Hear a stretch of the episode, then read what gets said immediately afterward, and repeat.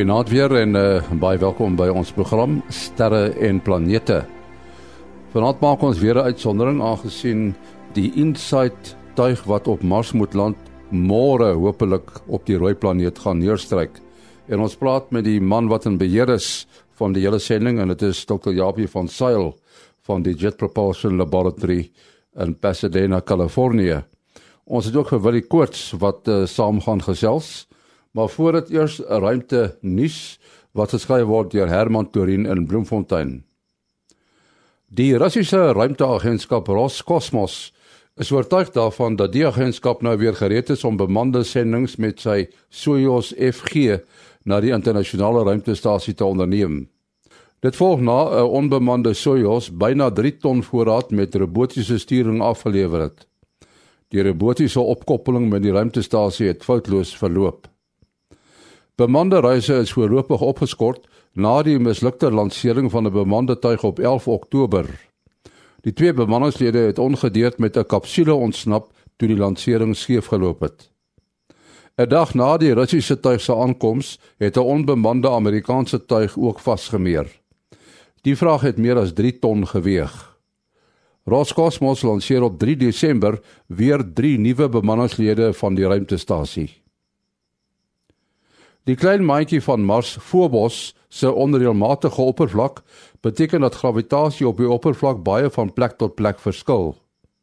Op sommige plekke sal 'n mens net enkele gramme weeg en as hy teen 'n vinniger as 5,2 km/h loop, kan hy vind dat hy homself gelanseer het om heel waarskynlik in 'n wentelbaan om Mars te beland.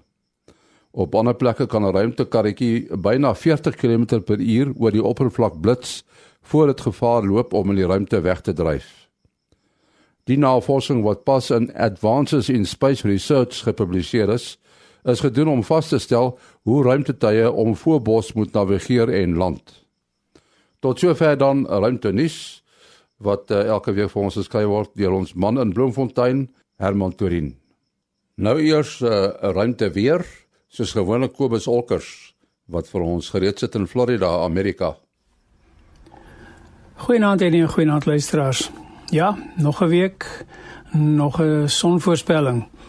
Hier sit ons nou en kyk na die son vir hierdie week en ehm um, dit lyk vir my asof ons vroeër in die week het ons so 'n bietjie aurora gehad, aktiwiteit gehad vanaf 'n klein korona gaatjie. Daar is 'n ander enetjie wat nou so binne die volgende dag of so gaan geo-effektief raak. So ons behoort sit in Woensdag se koers sy effekte sien. Hy's so effe groter. Uh hy is gelukkig noordwaarts gerig relatief tot die aarde se magneetveld en uh, ons moet dus nie veel probleme van hom te hê vir ons uh, vir enige dienste soos GPS of internet of enige so iets nie. Maar ons uh, langafstand radio gebruikers sal wel deeglik van hom bewus raak.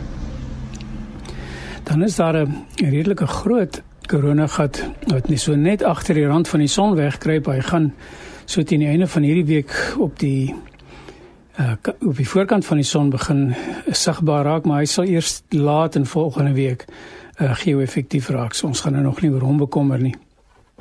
En dan natuurlik soos met soos wat ons het hierdie tyd van die sonsiklus het ons twee groot kroon korona gate. Dit is nou by die noordpool en by die suidpool van die son. Nou hulle kan niks aan ons doen nie. Hulle lyk net nogal baie oulik um, in die ekstra uh, fotos wat 'n mens kry van SDO af. Dan wat um, filamente aanbetref is daar niks te bespeer wat enige probleme vir ons kan gee hierdie tyd van die tyd van die sonsiklus nie. En dan laastens wat uh, magnetiese aktiwiteit op die son aanbetref, is daar geen groot sonmagnetiese areas nie. En ehm um, die enigste nuus van hulle is ek sit nou hier en kyk na twee van hulle. Die enetjie is uh, geo-effektief, hy's baie klein, so hy gaan ons absoluut niks aan doen nie. En hy het nou 'n noordpool wat voorloop.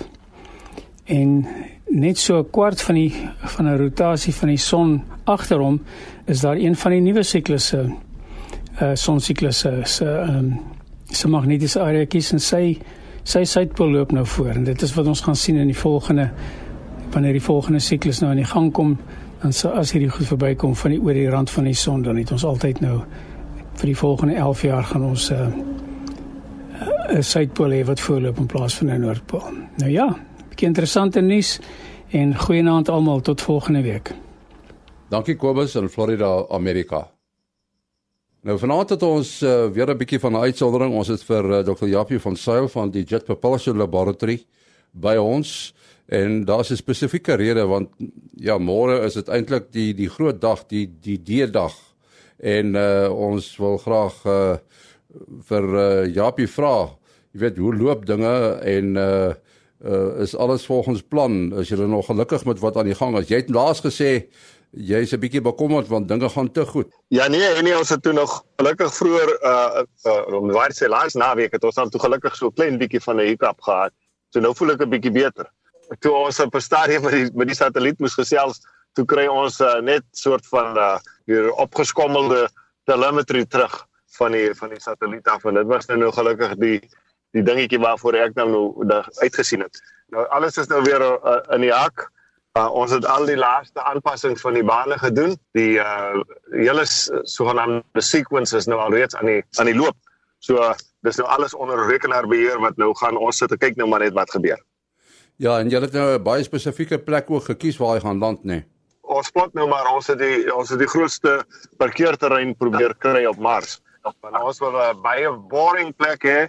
Want kyk, ons gaan nou mos nou net doodstil sit vir 'n hele jaar en 'n half of so uh in in die uh opmetings doen so ons wil 'n baie boring plek hê waar ons kan mooi land en die in die uh instrumente mooi op die grond neersit en so aan.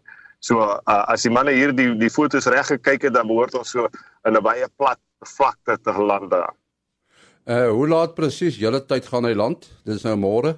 Ons behoort die sein so teen ons tyd uh 11:54 uh, in die môre te kry. So dit is 9:54 se kant in Suid-Afrika in die aand maandag aan. Japie daar daar's nou uh verskeie maniere hoe jy gaan weet dat die landing uh goed afgeloop het.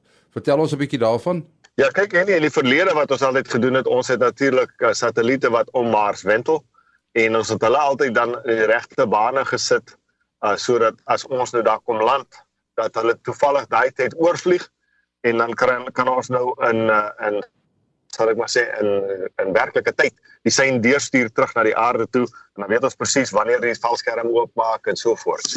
Drie keer ongelukkig as gevolg van die plek waar ons land moes ons die bane te veel verander en dis nie moontlik vir ons om die groot satelliete daar te kry nie. So ons het uh, uh dan twee klein satellietjies gebou. Hulle so ongeveer so groot soos 'n tasie. Hulle so 20 cm by 30 cm en dan 10 cm dik. Die twee satelliete se naam is Marco. Marco A en B. Hulle twee vlieg nou soort van uh, so so 2500 km agter Insight. En uh as ons nou daar aankom en alles werk goed, dan sal hulle nou vir ons die syne uh direk terugstuur aarde toe soos wat Marco gaan land. Uh dan sal ons nou al die telemetrie kry. Ons sal weet wanneer die valskerm oopmaak, wanneer die die uh, sogenaamde heat shield, die skerm wat ons uh, die lander beskerm teen die hitte van die atmosfeer, uh, uh die soort van goeders afgegooi word en so voort. Ons sal weet wanneer die vuurpyle aangesit word en ons sal natuurlik hoor wanneer uh inside land, want ons kry verskillende seine terug wanneer elkeen van hierdie dinge gebeur. Nou as die Marcos nie werk nie, dan kan ons nog steeds 'n bietjie data terugkry. Daar's 'n groot genoeg satelliet, 'n groot genoeg antennes hier op die aarde wat sommige van daai seine sal kan optel.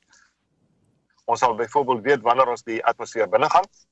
Maar dan veroorsaak ons 'n plasma wat uh, uh, vir ons 'n rukkie lank die die uh, kommunikasie sal laat verloor en dan op 'n oomblik wanneer ons wel op die op die grond is, dan behoort ons 'n sein te kan terugkry wat sê ons sit nou op die grond. As die makros nie werk nie, dan gaan ons maar bitter min inligting hê. Jy se masjien, ons sit almal daar baie baie uh, spannend en kyk en wag vir daai laaste sogenaamde beep om te sê ons is wel op die grond. Ja, dit is 'n baie interessante naam, Marco. Ehm, um, as as jy aan sy naam nie dalk Polo nie. dit is interessant. Ja, ons het baie gespotte gesê ons met die een sê Marco en die ander een sê Polo. Maar dit is toevallig Marco staan uh, is eintlik 'n afkorting vir Mars Cube 1. Want dis die eerste keer wat so 'n klein cube set by Alipad tot by Mars en so dis hoekom hulle Mars Cube 1 net so Marco verkort, maar toe die manne seker nog nie gedink aan Marco Polo nie. so so dit is die eerste die eerste noem dit nou maar interplanetêre CubeSat. Ongelooflik, ja. Dis reg, ja, hulle het uh, die, die verste uh, toe hulle by die maan verby is, was hulle alreeds die eerste uh, die die uh, die eerste klein satelliete wat so ver gemaak het. Ekskuus tog ja.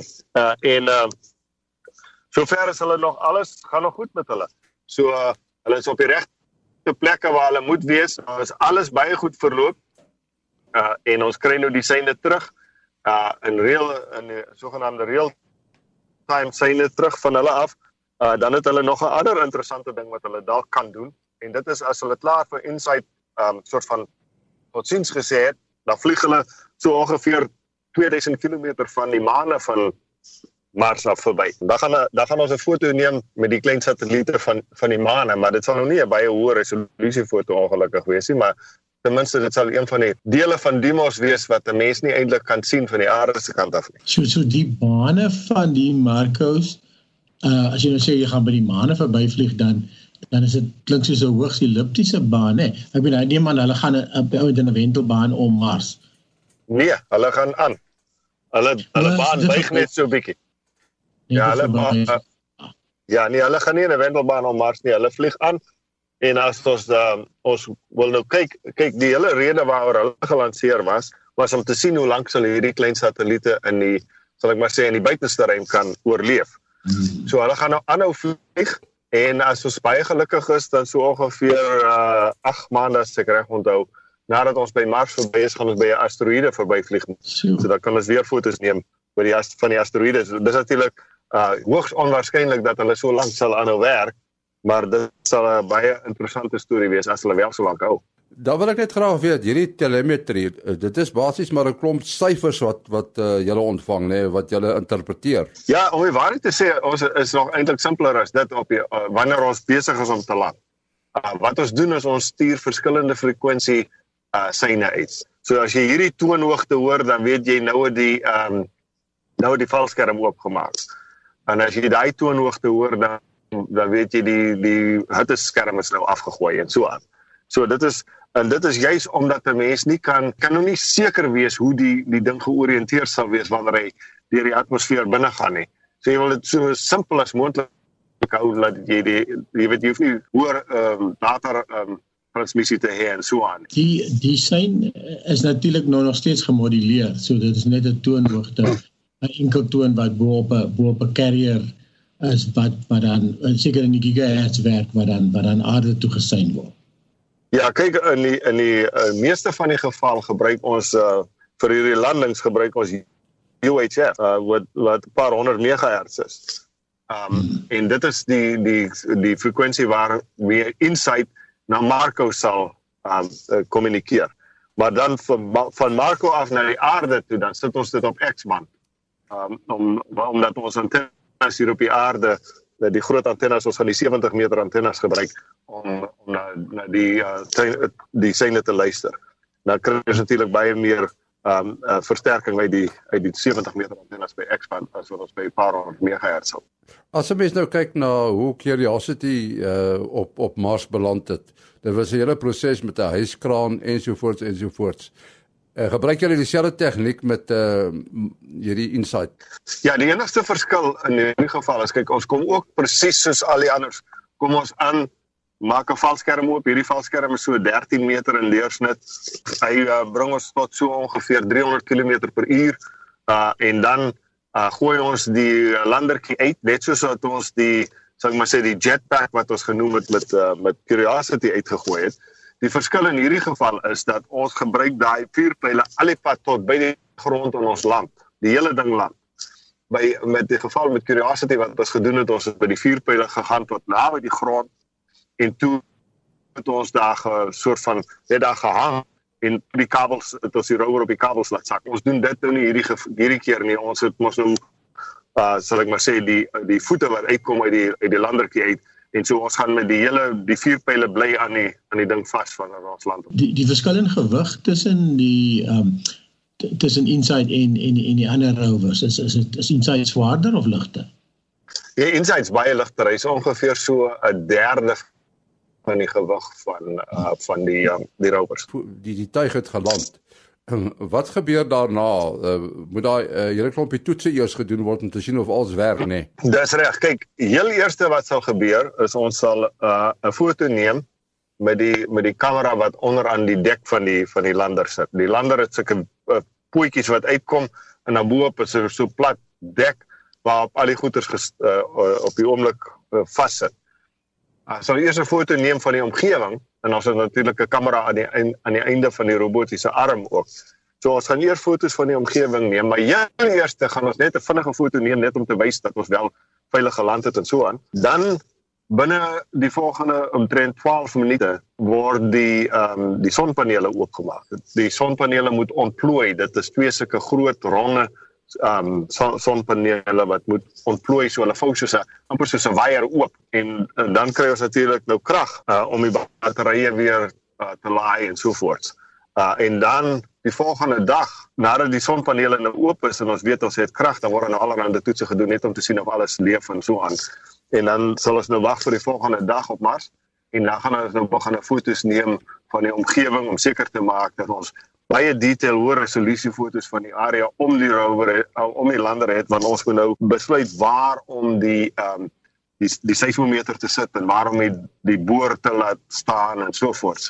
So dit dit sal nou eers geneem word en dan word die foto's teruggestuur aarde toe en dan gaan ons nou hier sit en stry vir 'n ruk.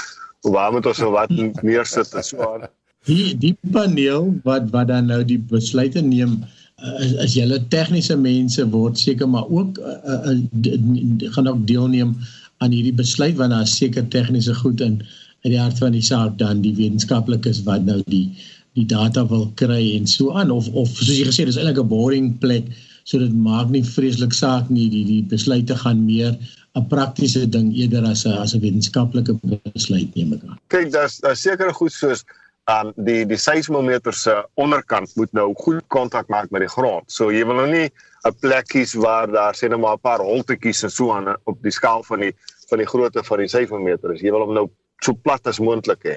Daar's natuurlik mense wat gesê het ons moet die die arm gebruik om die grond mooi plat te maak en so voort. Mense kan seker daaraan dink as dit op die op die ouens regtig nodig is, maar ons verwag nie dat dit sal nodig wees nie. Ja, dis soos meer dis meer 'n tegniese 'n storie van om seker te maak dat jy tegnies op 'n goeie plek staan waar jy dink goed kontak kan maak en so voort. Ehm um, wetenskaplik jy weet dit maak nie saak of jy uh sê nou maar 'n meter hierdie kant toe of 'n halwe meter daai kant toe staan nie. Wetenskaplik maak dit geen verskil. Uh, maar ons oomblik taamlik na in die aarde. Hy was nou nie heeltemal uh op sy naaste nie, maar redelik naby nog. So die die die omkeertyd vir 'n sein en 'n instruksie, die die tyd wat 'n sein mas toe hardloop en terug. Hoe hoeveel is dit op die oomblik? Ja, ek ek is nou nie heeltemal seker nie. Ek dink dit is 'n omgewing van 10 minute, maar ek is nie 100% seker nie. Hmm. So dit wil sê al hierdie instruksies gaan jy ehm um, jy gaan 'n ding doen en dan gaan jy wag vir die sein om terug te kom, die fotootjie en dan uh, seker maak hy staan reg en weer instruksies gee.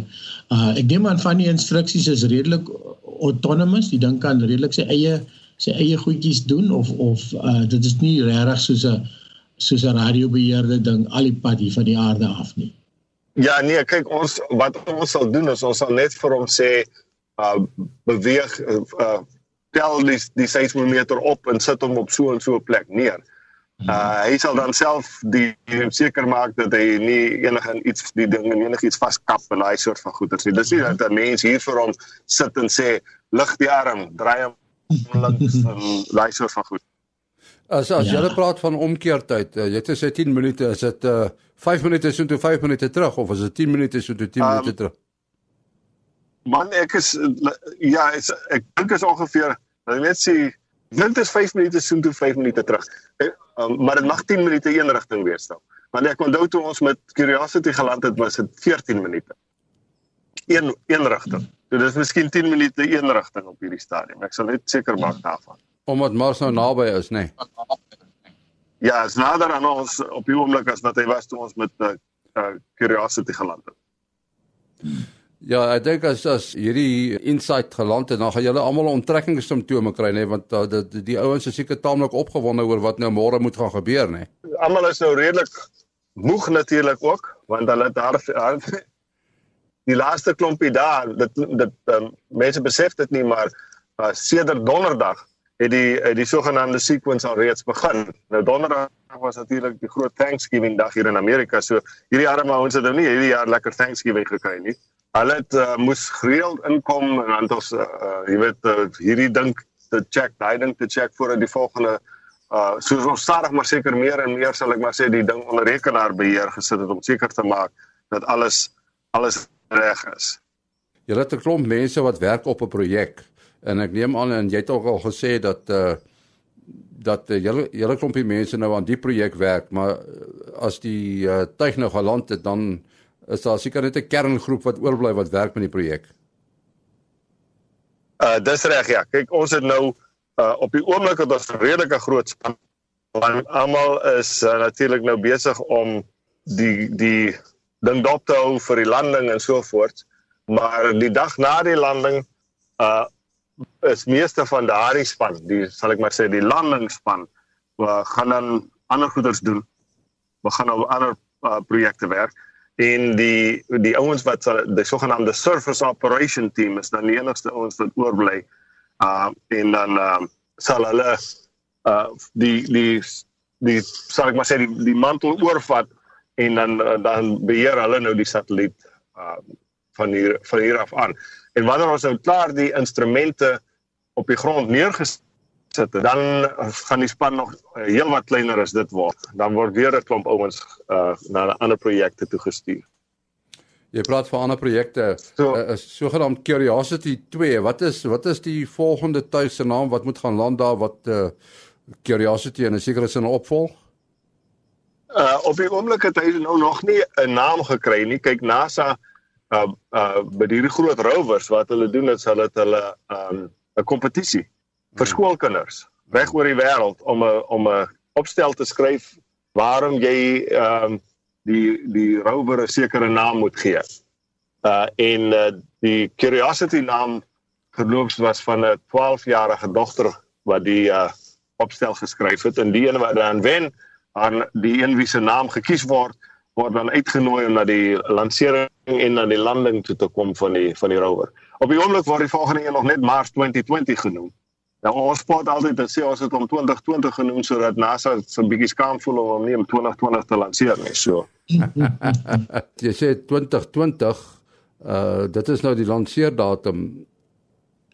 Is dit ook so dat hy kern aangedrewe wees of gaan hy son aangedrewe wees?